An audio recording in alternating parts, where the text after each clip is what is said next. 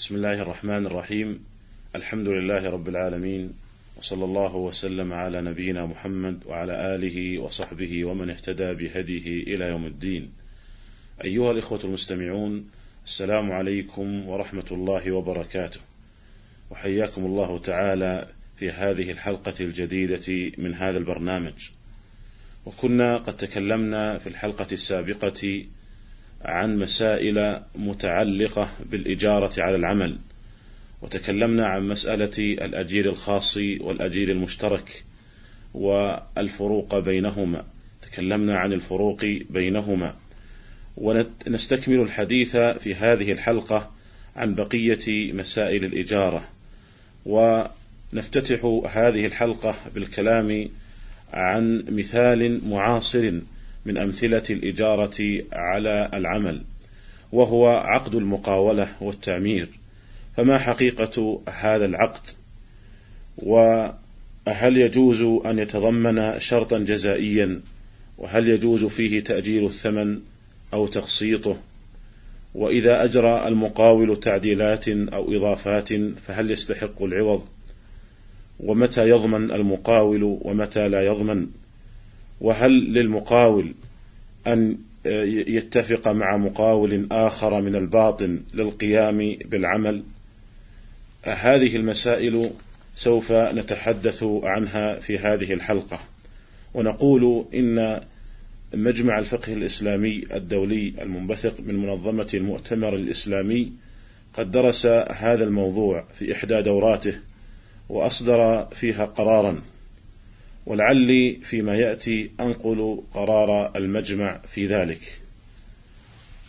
إن مجلس مجمع الفقه الإسلامي بعد اطلاعه على البحوث الواردة إلى المجمع بخصوص موضوع عقد المقاولة والتعمير وبعد استماعه إلى المناقشات التي دارت حوله ومراعاة لأدلة الشرع وقواعده ومقاصده ورعاية للمصالح العامة في العقود والتصرفات ونظرا لأهمية عقد المقاولة ودوره الكبير في تنشيط الصناعة وفتح مجالات واسعة للتمويل والنهوض بالاقتصاد الإسلامي قرر ما يلي.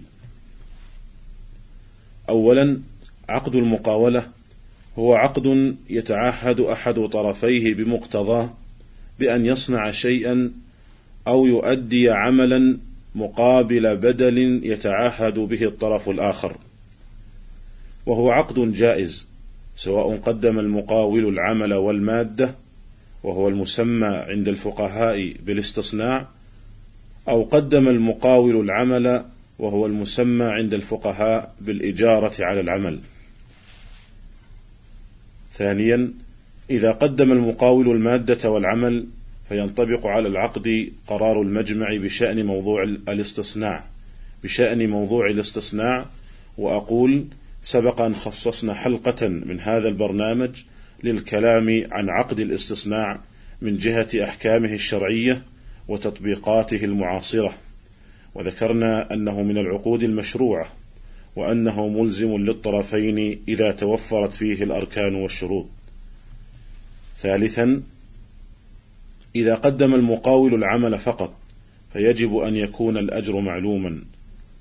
رابعا: يجوز الاتفاق على تحديد الثمن بالطرق الآتية: ألف الاتفاق على ثمن بمبلغ إجمالي على أساس وثائق العطاءات والمخططات والمواصفات المحددة بدقة. ب الاتفاق على تحديد الثمن على أساس وحدة قياسية يحدد فيها ثمن الوحدة والكمية وطبقا للرسومات والتصميمات المتفق عليها. جيم الاتفاق على تحديد الثمن على أساس سعر التكلفة الحقيقية ونسبة ربح مئوية، ويلزم في هذه الحال أن يقدم المقاول بيانات وقوائم مالية دقيقة ومفصلة وبمواصفات محددة التكاليف يرفعها للجهة المحددة في العقد ويستحق حينئذ التكلفة الإضافية للنسبة المتفق عليها. خامسا يجوز أن يتضمن عقد المقاولة شرطا جزائيا بمقتضى ما اتفق عليه العاقدان ما لم يكن هناك ظروف قاهرة. سادسا يجوز في عقد المقاولة تأجيل الثمن كله أو تقسيطه إلى أقساط لآجال معلومة أو حسب مراحل إنجاز العمل المتفق عليها.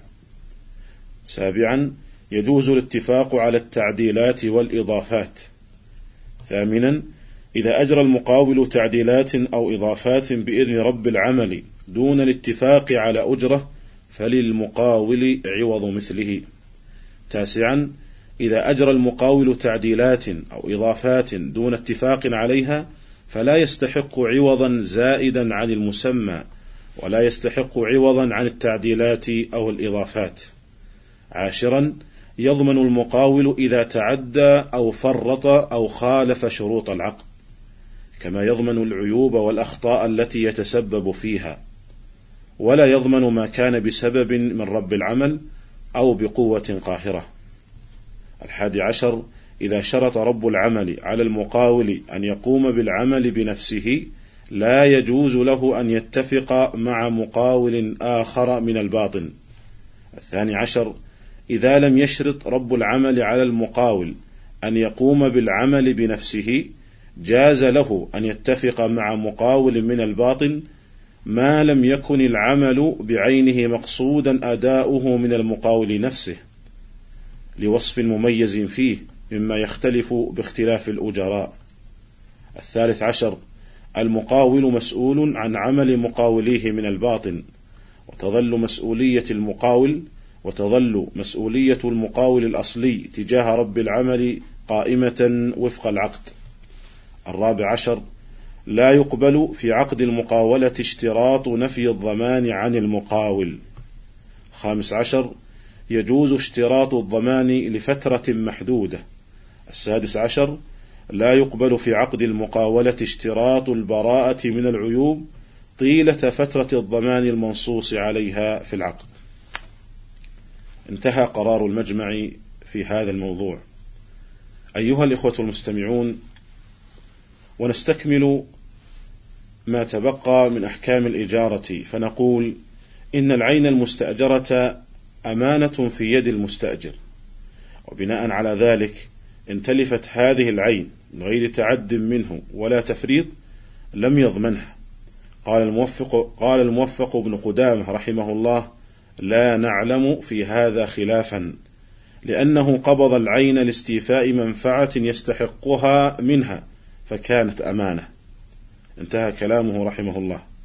مثال ذلك رجل استأجر سيارة من محل لتأجير السيارات، ثم حصل خلل بهذه السيارة في الطريق، فإن هذا المستأجر لا يتحمل مسؤولية إصلاح ذلك الخلل، ما لم يكن تسبب في ذلك الخلل بتعد منه أو تفريط.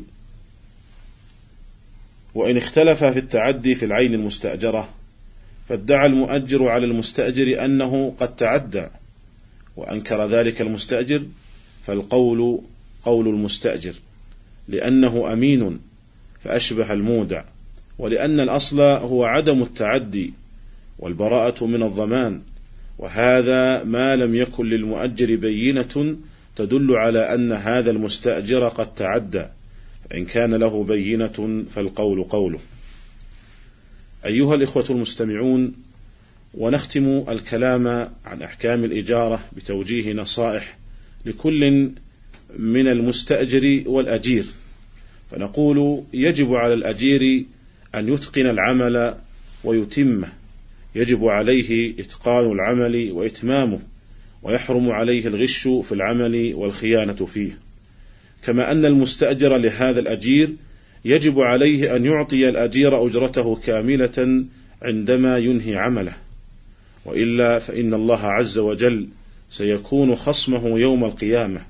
كما جاء في الحديث الصحيح الذي يقول فيه النبي صلى الله عليه وسلم ثلاثة أنا خصمهم يوم القيامة ومن كنت خصمه فقد خصمته وذكر منهم رجلا ذكر منهم رجلا استأجر أجيرا فاستوفى منه ولم يعطه أجره.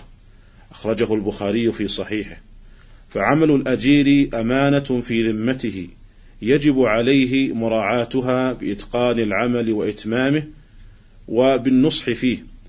وأجرة الأجير دين في ذمة المستأجر له وحق واجب عليه يجب عليه أداؤه من غير مماطلة ولا نقص. ونلتقي بكم على خير في الحلقة القادمة إن شاء الله تعالى. فإلى ذلك الحين أستودعكم الله تعالى. والسلام عليكم ورحمة الله وبركاته.